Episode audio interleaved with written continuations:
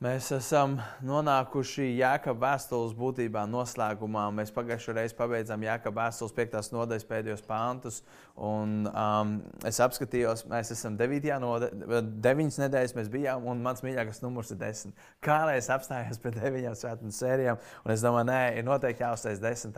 Un tad īstenībā tā labi sanāk, tāpēc, ka nākamā nedēļa jau ir lieldienas, un mēs runāsim noteikti par Jēzu Kristu un to, ko viņš ir izdarījis. Un tāpēc šajā nedēļā es vēlos paņemt tādu apkopojumu pēdējām um, deviņām nedēļām, kurām mēs gājām cauri Jākapa vēstulēm, patiesībā es jūtos, ka tas esmu īstenībā izskrējis viņām cauri. Jo likās, ka deviņas nedēļas tas ir daudz, bet deviņās nedēļās mēs paņēmām lielā, lielo bildi, bet patiesībā vēl daudz dziļāk varējām iet Jākapa vēstulēm.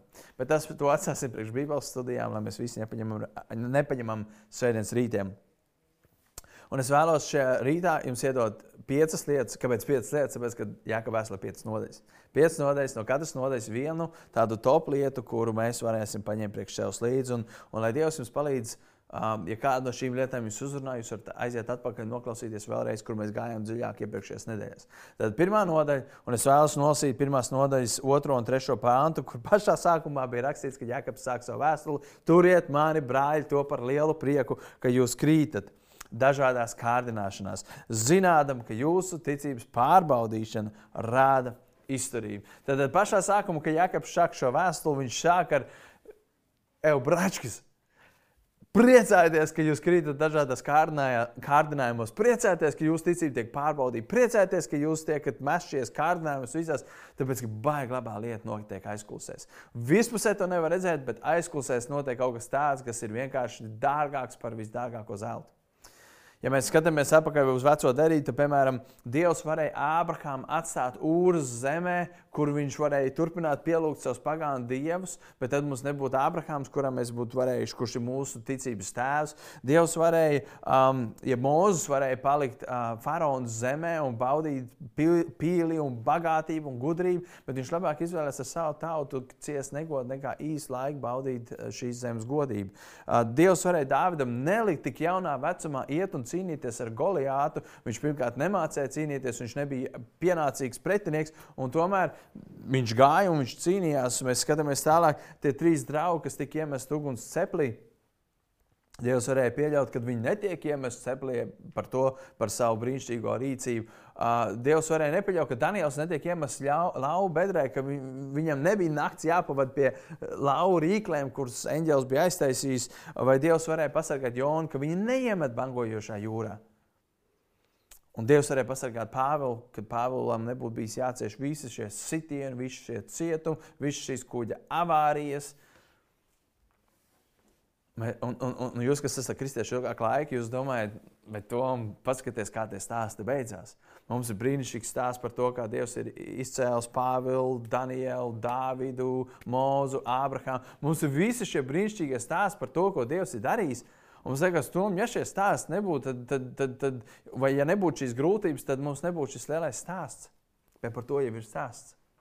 Kad Dievam bija jāpieļauj šīs Ziniet, kā, tā, kā filmas tiek taisīts? Filmas nereti tiek izdomāts sākums, tiek izdomāts beigas, un pa vidu tur jāizdomā kulminācija. Bieži vien pirms nāk tā kulminācija, pirms tam tur ir kaut kāda nelaime, kas notiek.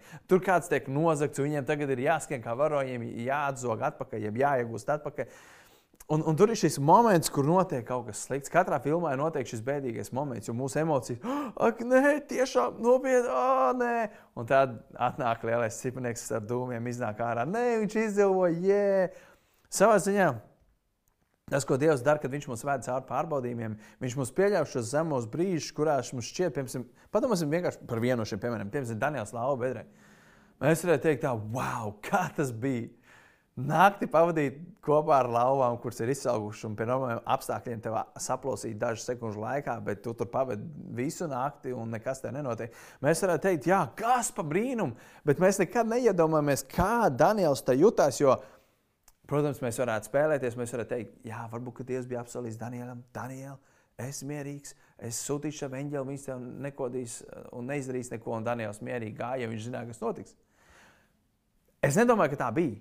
Es domāju, ka visticamāk, Daniels bija uzticīgs. Viņš lūdza Dievu trīs reizes dienā. Mēs varam teikt, Dievs, tu vari pasargāt par to uzticību, bet Dievs viņu nepasargāja. Viņš tika pieķerts Un tad viņš tiek iemests lauva bedrē, un es domāju par to momentu, kad viņš tiek vests, viņš tiek sagūstīts, viņš tiek vests uz lauva bedra.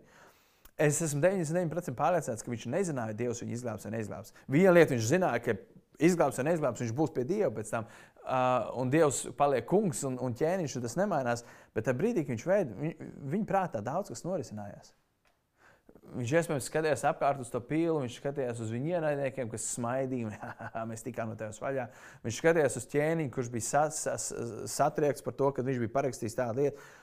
Un visā šajā mēs redzam to, ka Dievs, kas norisinājās Danielā, ka pēc tam, kad viņš tika izvests ārā no šīs laubēdas, viena lieta bija vienkārši uzsprāgus gaisā, un tā bija Daniela pārliecība, uzticība uz Dievu.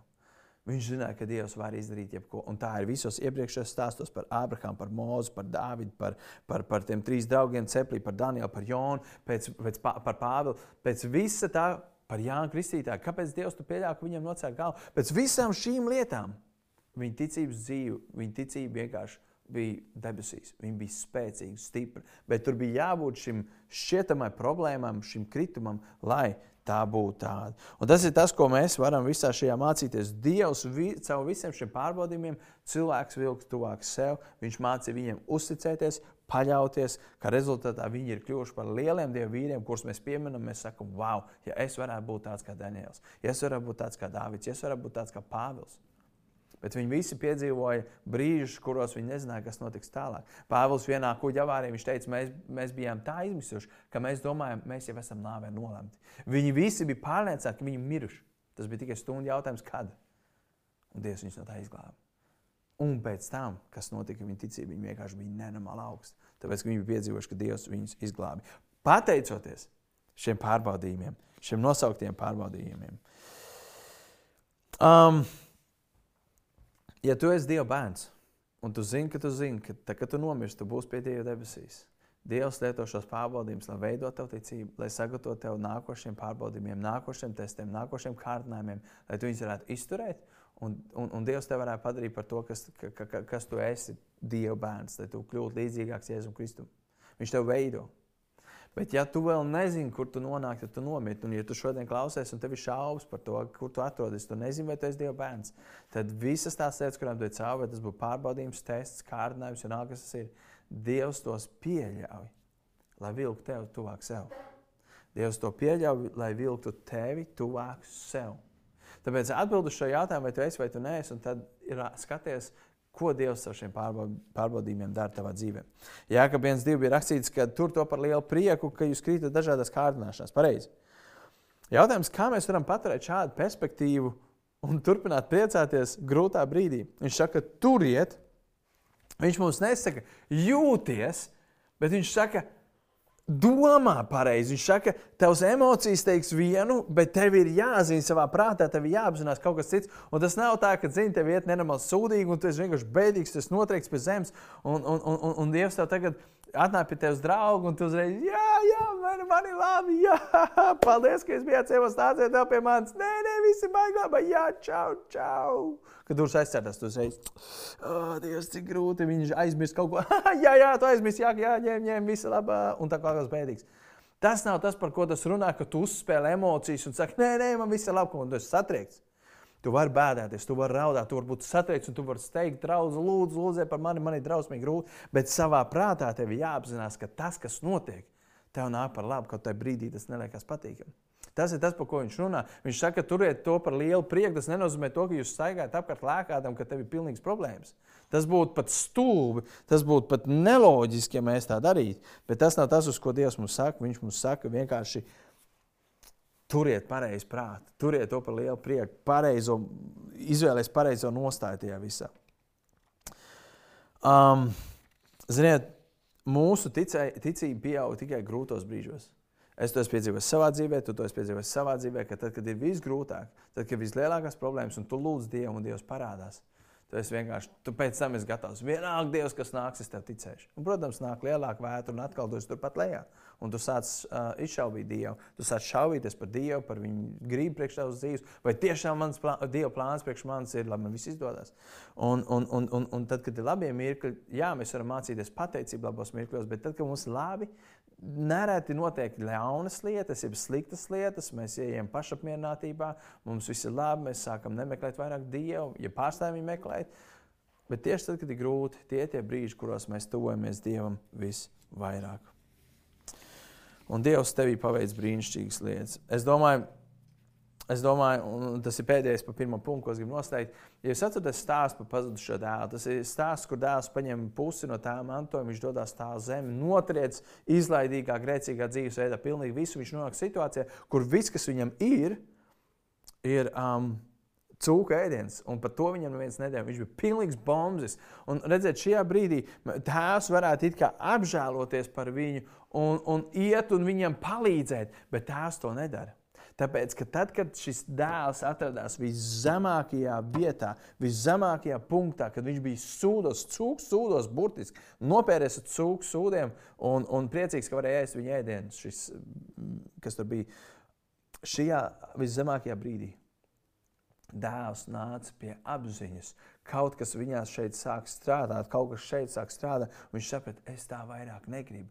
Tāpēc dažreiz, tad, kad mēs cilvēki iet cauri grūtiem brīžiem, mēs sakām, Dievs, kāpēc tas tā notiek un tam līdzīgi. Bet patiesībā, ja tēvs būtu skrējis un palīdzējis tam bērnam, es tev iedošu vēl vairāk, reku man vēl te bišķi mantojums, ņem bišķi vairāk. Viņš nebūtu nācis atpakaļ pie tēva, viņš bija izmantojis tēva labklājību. Bet viņam bija jānonāk viszemākā brīdī, lai tad, kad viņš ir nācis pie apziņas, viņš grieztos atpakaļ pie tēva un tad saņemt atdošanu, saņemt visu, kas viņiem vajadzīgs. Un tieši tādos veidos Dievs darbojas mūsu dzīvē. Kad Viņš ļāva mums būt tur lejā, kur mēs saprotam lietas, kuras mēs nekad nesaprastu šeit, bet kuras mēs vienkārši saprotam šeit. Tāpēc priecājies tajos brīžos, kad ej cauri sūdiem, kad ej cauri grūtībām, cauri pārbaudījumiem, jo Dievs tevī dara kaut ko tādu, kas ir vērtīgāks par visdārgāko zeltu. Tā bija pirmā lieta, ko mēs runājam. Otrā lieta, par ko es gribu runāt, un otrās nodaļas ir ticība, par kuru liecina darbi. Otrā nodaļa, 20. līdz 22. pāns, es gribu izlasīt. Bet vai tu gribi zināt, tukšais cilvēks, ka ticība bez darbiem ir nedzīva? Ābrahāms, mūsu tēvs, vai ne no darbiem viņš tāpat taisnots, ziedodams īzāk savu dēlu uz altāra? Tu redzi, ka ticība līdzdarbojusies viņa darbiem, un tā darbos ticība ir tapusi pilnīga. Tā pavisam nedaudz parunā par ticību, un mēs jau daudz ko zinām, bet šeit ir rakstīts, ka ticība bez darbiem ir nedzīva. Citiem vārdiem sakot, mēs varam teikt, ka tā ticība nav īsta ticība. Tā ir nedzīva, nav īsta. Jo cilvēks var teikt, ka viņš tic Dievam, viņš to apgalvo ar saviem vārdiem, bet ar, si, ar savu dzīvi viņš noliedz to. Ar savu dzīvi viņš parāda pilnīgi pretējo. Un um, to pašu mēs rakstām Efeziešos otrā nodaļā. Mēs varam izlasīt 8. un 9. pantā, kur rakstīts, jo no žēlastības jūs esat pestīti ticībā, tas nav no jums, tā ir Dieva dāvana, ne ar darbiem, lai neviens nelēlītos.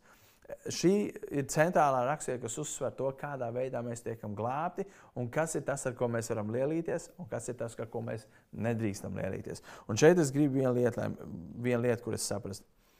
Ticība ir sakne, darbi ir augi. Ticība ir sakne, darbi ir augi. Nereti cilvēkiem patīk to apgriezt otrādi. Viņi saka, ka darbi ir sakne un uh, ticība ir augi. Darbi ir uh, sakne un ticība ir auga, bet tas ir pilnīgi nepareizi. Tāpēc, ka vispirms mums ir ticība uz Jēzus Kristu, un tad ticībā uz Jēzus Kristu mēs darām tos darbus, kur turpat efeziešos rakstīts, kurus Dievs ir iepriekš sagatavojis, lai mēs tajos dzīvotu. Līdz ar to tas, kas vispirms nāk, ir jāsaprot, ir tas, ka tas nāk Jēzus Kristus, un te ir rakstīts, ko saka Ābrahams, kad viņš lieto Ābraham par savu piemēru šajā vietā.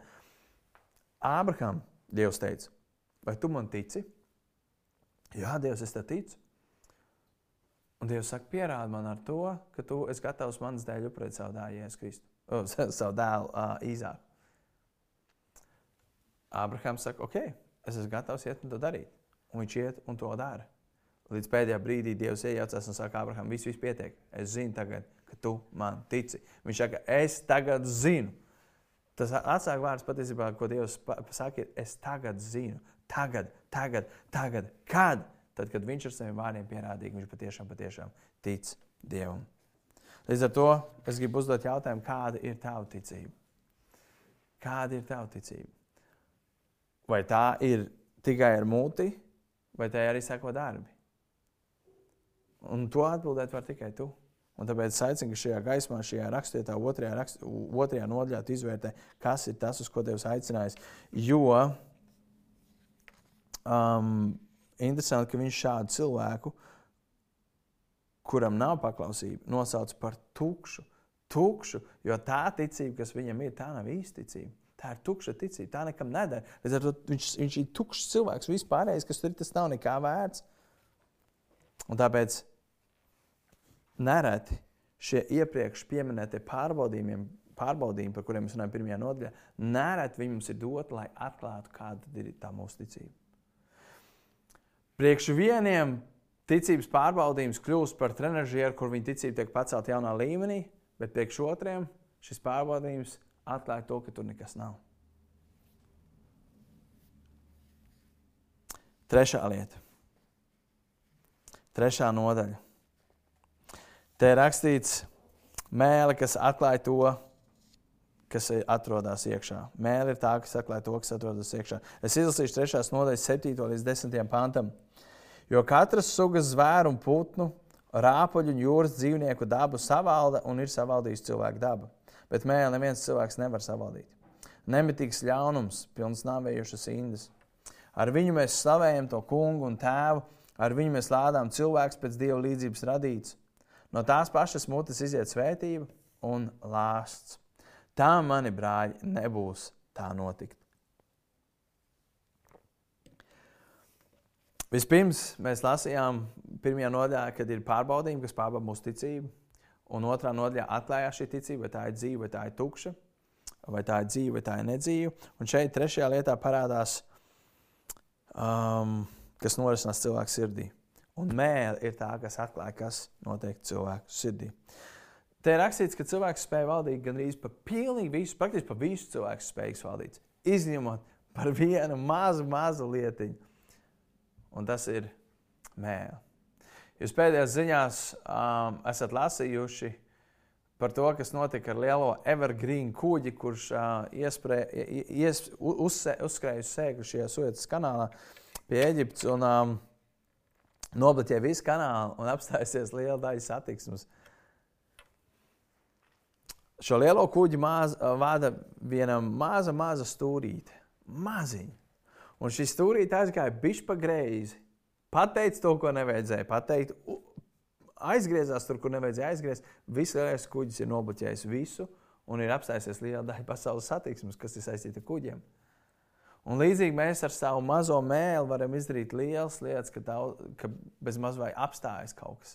Vai tiek iznīcināts kaut kas. Cilvēka dzīves tiek iznīcināts. Un mēs par to runājām, kad mēs runājam tieši par mēlu, bet es īpaši ne, ļoti dziļi negribu iet šoreiz par mēlu. Bet, um, Cilvēks spēj valdīt par daudz ko, izņemot par savu mēlu. Un šāds mēls stāvoklis ir visiem. Laiku no laika mēs visi pasakām lietas, kuras mums nevajag pateikt. Laiku pa laikam mēs, mēs nožēlojam, ka mēs nepateicām to, ko mums vajadzēja pateikt. Un tomēr Jānis saka, tam tā nebūs būt. Un tad jautājums, ko mēs gribam uzdot, kāpēc tā ir? Kāpēc notiek tā, ka mēs pasakām to, ko mums nevajadzēja pateikt? Atcerieties, Pāvils 7. nodaļā romiešos arī teica, ka es nožēlojams cilvēks, kurš man izglābs no šīs nāve lemtās miesas, jo to labo, ko gribas nedara, to slikto, ko es negribu izdarīt. Kas tas ir, kas manī notiek? Un tā ir šī cīņa, kas notiek starp miesu un starp gāru. Kolesiešos, 3. nodaļā.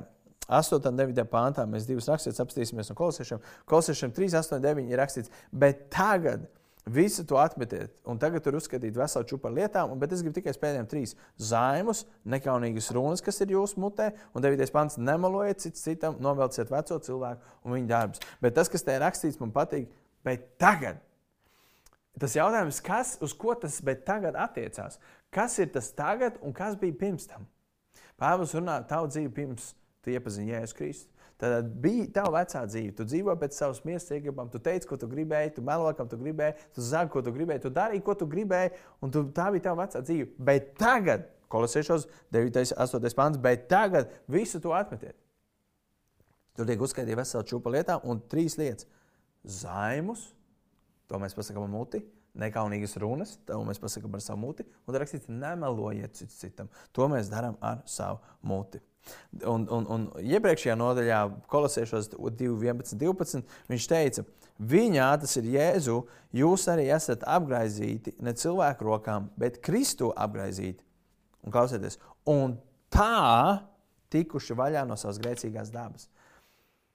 Tas ir īstenībā ļoti grūti saprast. Šeit ir rakstīts, tikuši vaļā no savas grēcīgās dabas. Ja tu tā padomā, te ir rakstīts, tu esi ticis vaļā no savas grēcīgās dabas, tad uzreiz mēs gribam uzdot jautājumu, kāpēc mēs darām to, ko mēs negribam, lai mēs darām. Ja es esmu ticis tomēr vaļā no tā, un redzu, šis ir bijis saistīts ar ticību. Šis ir ticības jautājums. Vai tu tici tam, ko Dievs saka par tevi, un vai tu to vari ticībā pieņemt? Ja Dievs saka, ka tu esi piedzimis no augšas, visvecais, kas bijis, tas pagājis, tu esi tapis jauns radījums, tev vairs nav jākalpo vecam burtam, tev vairs nav jākalpo garākam. Un, man, un kāpēc mēs to darām? Un šis ir ticības jautājums, vai es spēju pieņemt, ka Dievs man ir piedevis. Jo bieži vien tie cilvēki, kas spēj tikt ar savām dzīvēm galā, kas, kas spēj atmest veco dzīvi, viņi to spēj izdarīt tajā mirklī, tajā brīdī, kad viņi satver ne tikai prātu, bet ar prātu un ar sirdi, kad Kristus ir viņa kungs, ka Kristus ir par viņu samaksājis, ka Jēzus Kristus ir pilnīgi viss. Tajā brīdī tas var notikt. Un tāpēc ceļš uz mēles savaldīšanu vai uz jebkuru citu grēku, nokaušanu mūsu dzīvē, ir caur to, ka tu notic tam, kas tu esi. Tas ir jauns radījums. Par tevi ir samaksāts. Tu esi atpirkts, tu esi šķīstīts, tu esi svēts, tu esi Dieva saimnieks, tu esi Dieva īpašums.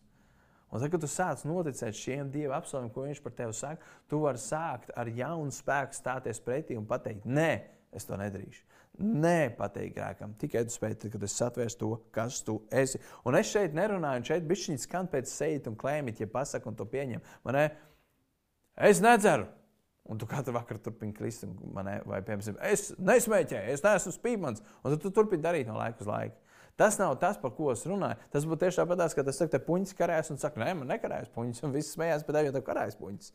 Tas ir ierobežojies ar tādu stulbumu, bet tas nav tas, par ko Bībele runā. Bībele runā, ka tu pieņem ticībā par sevi to, ko Dievs par tevi saka, un mēs esam svēti. Un tas ir tas grūtākais, ka Bībele svēts, ka Bībele jaunajā derībā runā par kristiešiem. Viņi reti, kad saka kristieši pārsvarā viscaur no vēstules uz vēsturi tur iet viens vārds, un tas ir svētie. Svētie, svētie. Kurš no jums jūtas svēts?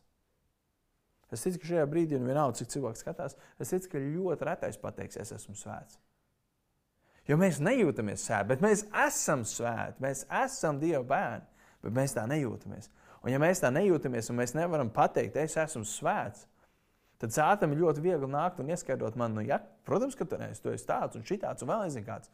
Kā rezultātā mēs turpinām izteikt zājumus, turpinām izteikt nekautrī, nekau, nekaunīgas runas, turpinām melot, jo mēs nenoticam tā patiesībai, kas mēs esam. Un tāpēc tas ir ārkārtīgi svarīgi, ka mēs varam pieņemt to patiesību, ko Dievs par mums saka un ko Viņš ir teicis. Um,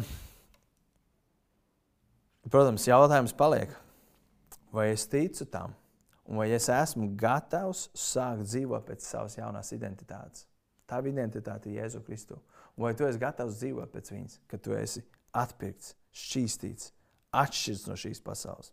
Ziniet, un, un pašā noslēgumā, kad es runāju, es gribu iedot tādu sarakstu, es nolasīšu par vienu konkrētu grēku, ko mēs izdarām ar savu muti.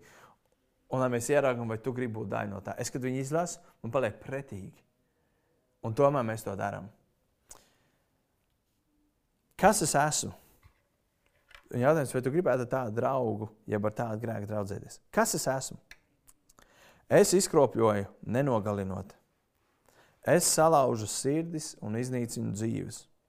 Es esmu viltīga un ļaunprātīga, ļaunprātīga un es kļūstu spēcīgāk ar laiku.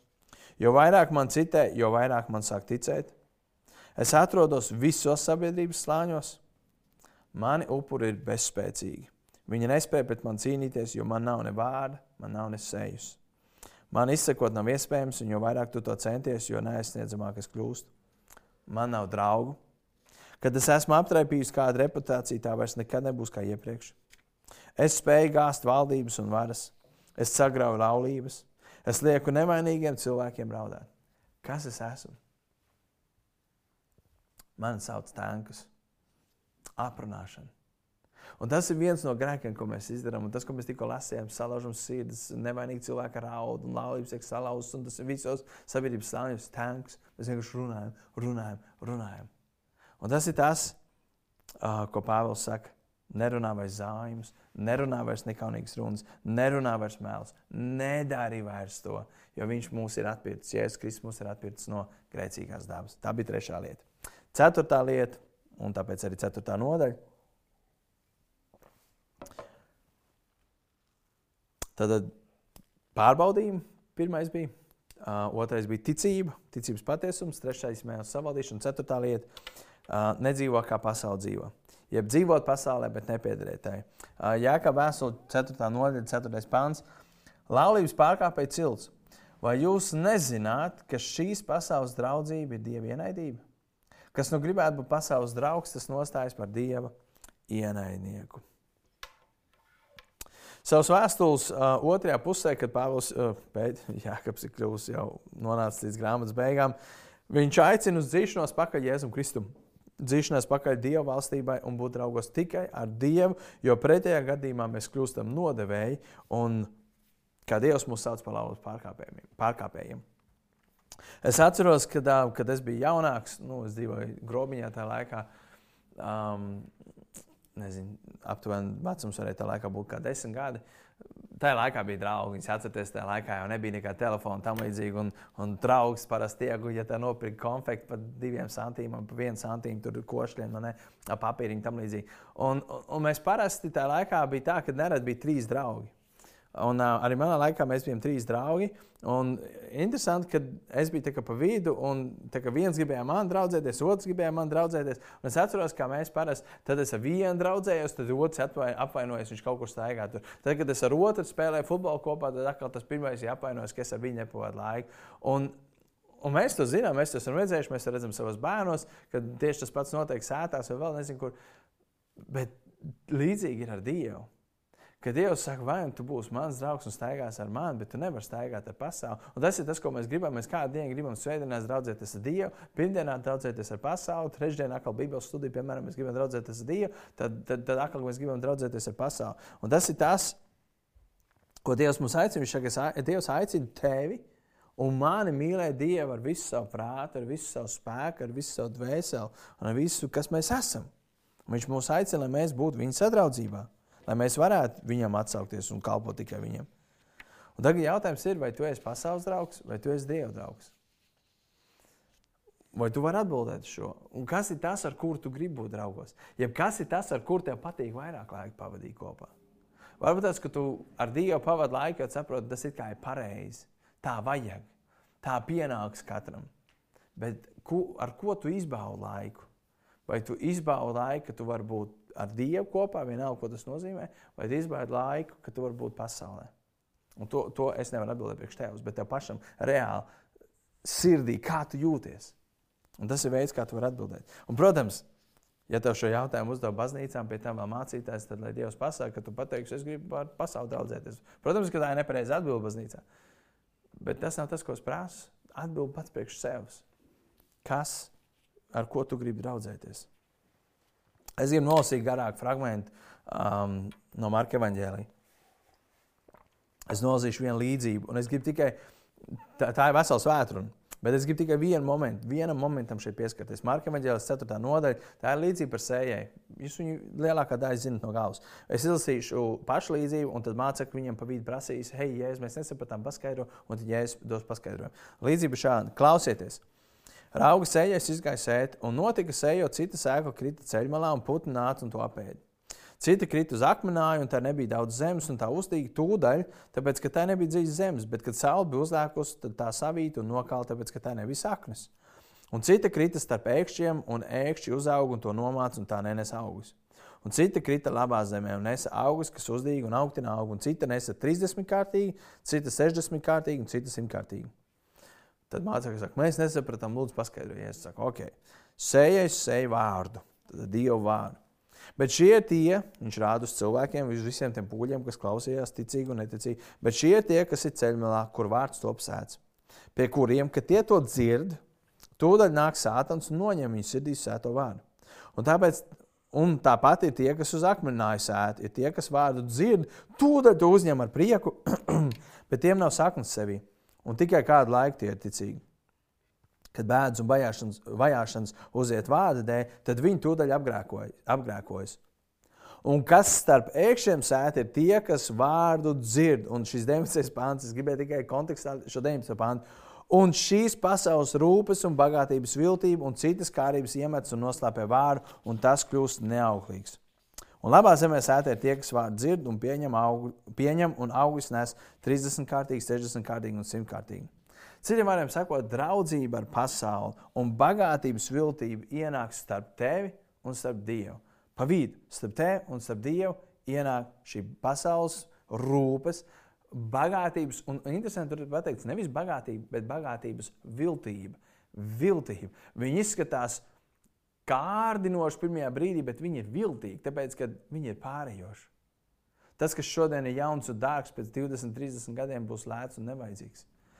Viņa ir viltīga, viņa visu laiku mānās, viņa piemāna. Visu laiku tam vajag jaunu, jaunu, jaunu, visu laiku nāk ārā jauns, un tu visu laiku skrien pakaļ tam, līdz mēs redzam pilnu Facebook ar šīm karikatūrām, kad cilvēks skrien pakaļ, skrien pakaļ naudai, visam tam, un tad, kad viņš viss ir sagrāvis, viņam pavisam malā krīt ārā, tur ir dzīves beigas, un nāve saka, bez bagāžas, tāds kāds te es nāču. Un viss tas, ko tu mēs skrējas pakaļ, tas tiek atstāts. Un šeit, šajā ceturtajā nodaļā mēs runājam tieši par to, ka mēs atstājam draudzību ar Dievu, un mēs sākam iet pakaļ tām lietām, kuras mums pasaule piedāvā. Pasaules rūpes un bagātība. Un es domāju, kā notiek pasaulē laulības pārkāpšana. Burtiski, kā notiek pasaulē. Parasti tas notiek darbā vai kaut kādos kolektīvos, tam līdzīgi.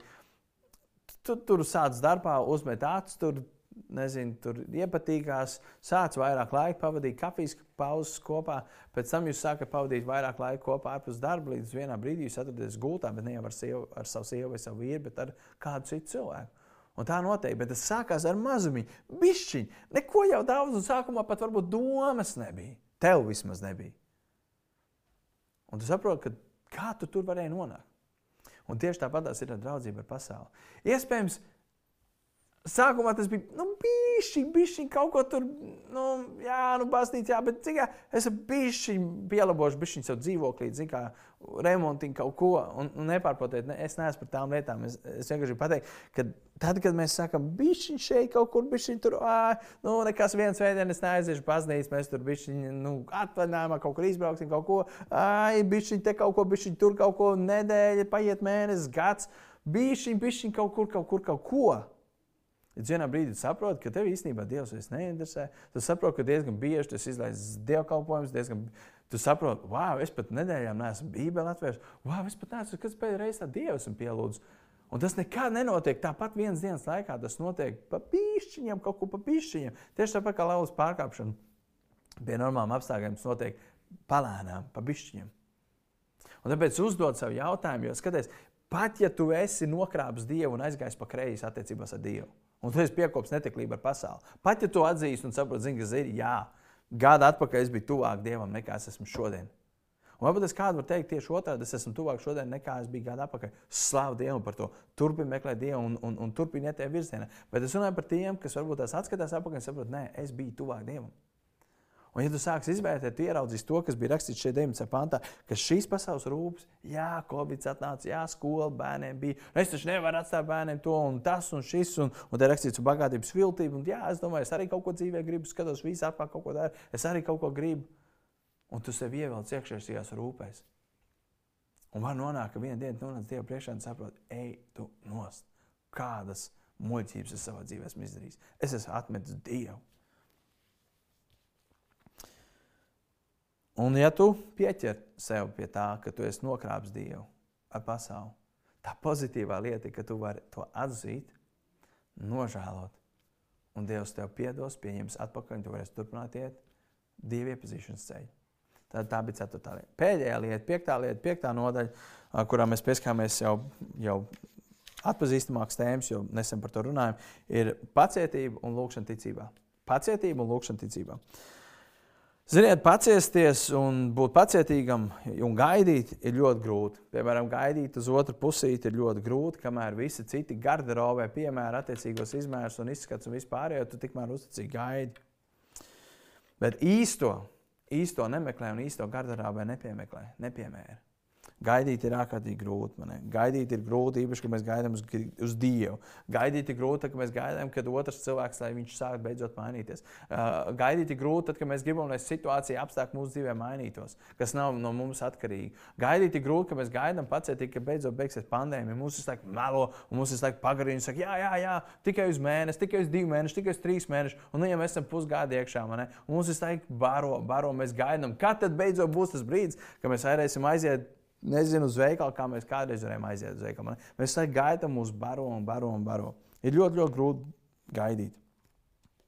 Ziniet, mēs dzīvojam laikā, kurā mums viss patīk uzreiz. To mēs esam runājuši, mēs to zinām. Mikroviņu krāsnī. Mums patīk ielikt visu mikroviņu krāsnī, uzspiest pik, pik, pik, divas minūtes, un džing, gatavs, un viss ir gatavs. Dievam patīk marinēt. Dievs ieliek marinādē un atstāja mūs uz nakti, varbūt uz divām. Tie, kam patīk gatavot šašliku, jūs zināt, jo ilgāk stāvēs marinādē, jo būs garšīgāk. Dievs arī zina, jo ilgāk viņš mūs varēs noturēt šajā ciešanā marinādē. Tas veidos mūsu pacietību, kas veidos mūsu izturību, un izturība mums ir vajadzīga, lai mēs aizietu līdz galam. Bet mums patīk mikroviņu krāsnes. Pik, pik, pik, ting, gatavs. Tā nenotiek.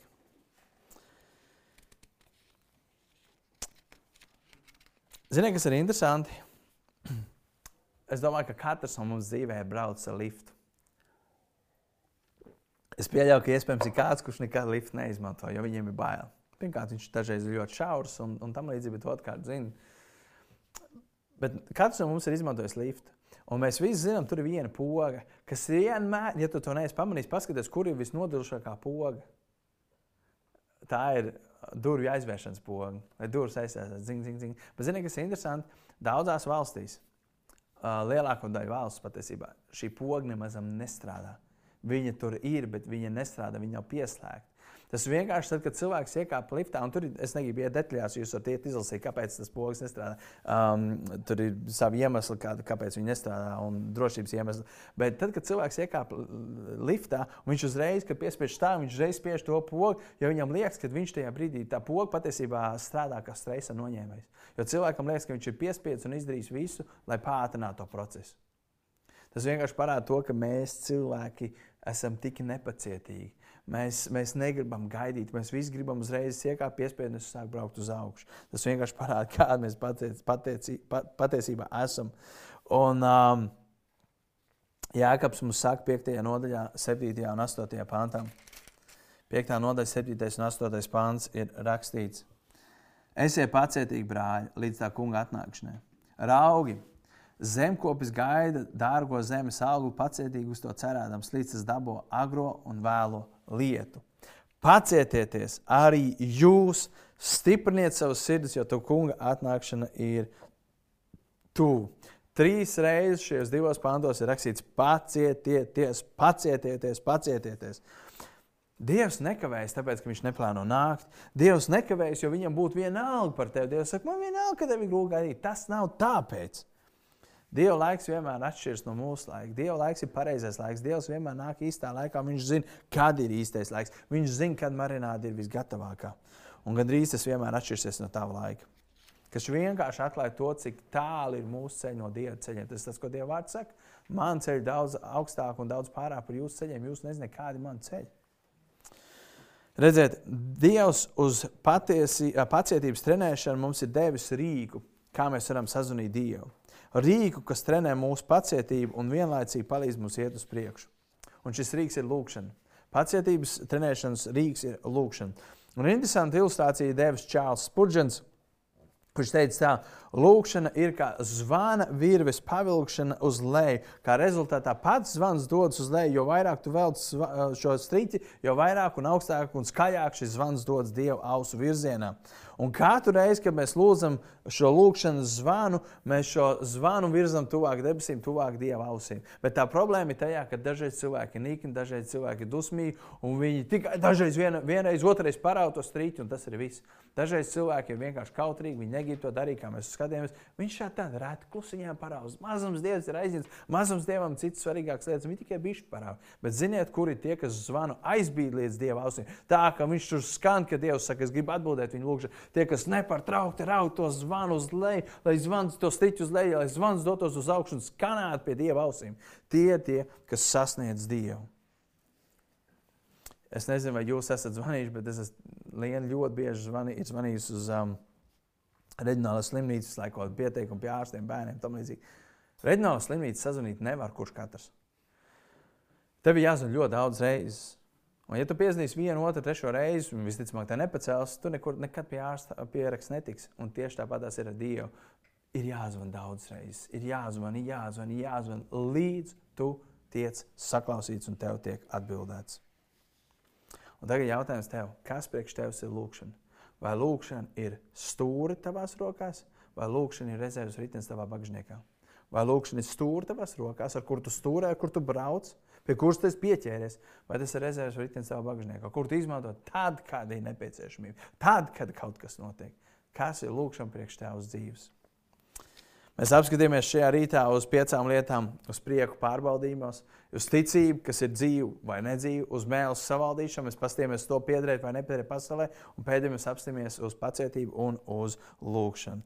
Redziet, pārbaudījumos tiek pārbaudīta tava ticība, kas ir dārgāka nekā uh, krāsnī kausēts zelts, un šī tava ticība atklājas kā darbos kā piemēram mēlu savaldīšana, vai tu spriedzi cilvēkiem, pārēju izskatu, vai vēl daudz citas lietas, vai tu piederi pasaulē, nepiederi pasaulē, ar ko tu draudzējies ar Dievu vai ar pasauli. Un, protams, kā rezultātā um, tas viss no mūsu puses prasa milzīgu pacietību un milzīgu lūgšanas. Daudz, daudz lūgšanas. Un es gribu, lai tu atceries, lai tu izturētu ticības pārbaudījumu, tev ir nepieciešama pacietība. Bet pacietība pieaug tikai un vienīgi pārbaudījumos, kas rezultātā tev dod izturību. Un izturība tev vajadzīga, lai tu aizietu šo dzīves maratonu, šo ticības dzīves maratonu līdz pašam galam. Tāpēc, lai tas tev izdodas ar dzīvu ticību, ar prieku pārbaudījumos, ar mēlus savaldīšanu, ar draudzību ar Dievu un pacietīgi gaidot ar daudz, daudz lūgšanām, valkot šo zvanu, tuvāk uz debesīm, lai tavs lūgšanas tiktu paklausīts Dievs jūs bagātīgi svētītu.